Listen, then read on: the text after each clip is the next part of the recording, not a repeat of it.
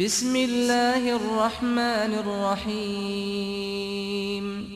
اقرأ باسم ربك الذي خلق خلق الإنسان من علق.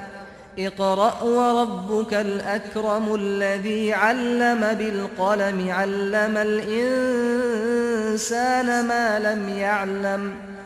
كلا إن الإنسان ليطغى أن رآه استغنى إن إلى ربك الرجعى 奉至仁至慈的安拉之名，你应当奉你的创造主的名义而宣读。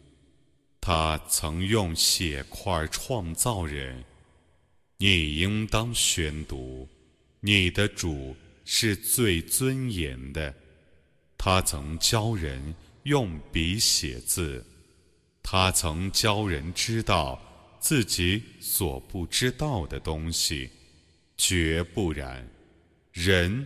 却是悖逆的，因为他认为自己是无求于人的，万物必定是归于你的主。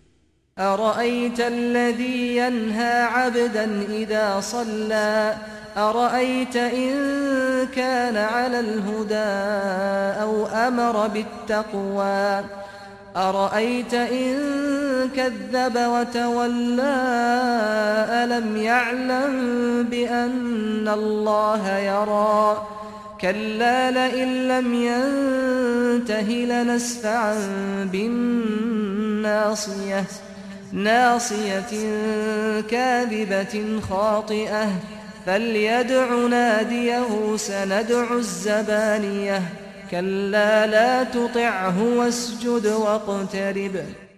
告诉我吧，那个禁止我的仆人礼拜的人，你告诉我吧，如果他是遵循正道的，或是命人敬畏的， 你告诉我吧，如果他是否认真理的，背弃真理的，难道？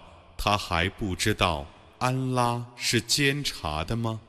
绝不然。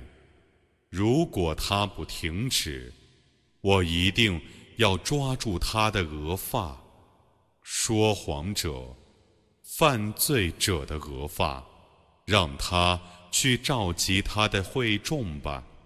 我将召集强悍的天神。绝不然，你不要顺从他。你应当为安拉而叩头，你应当亲近安拉。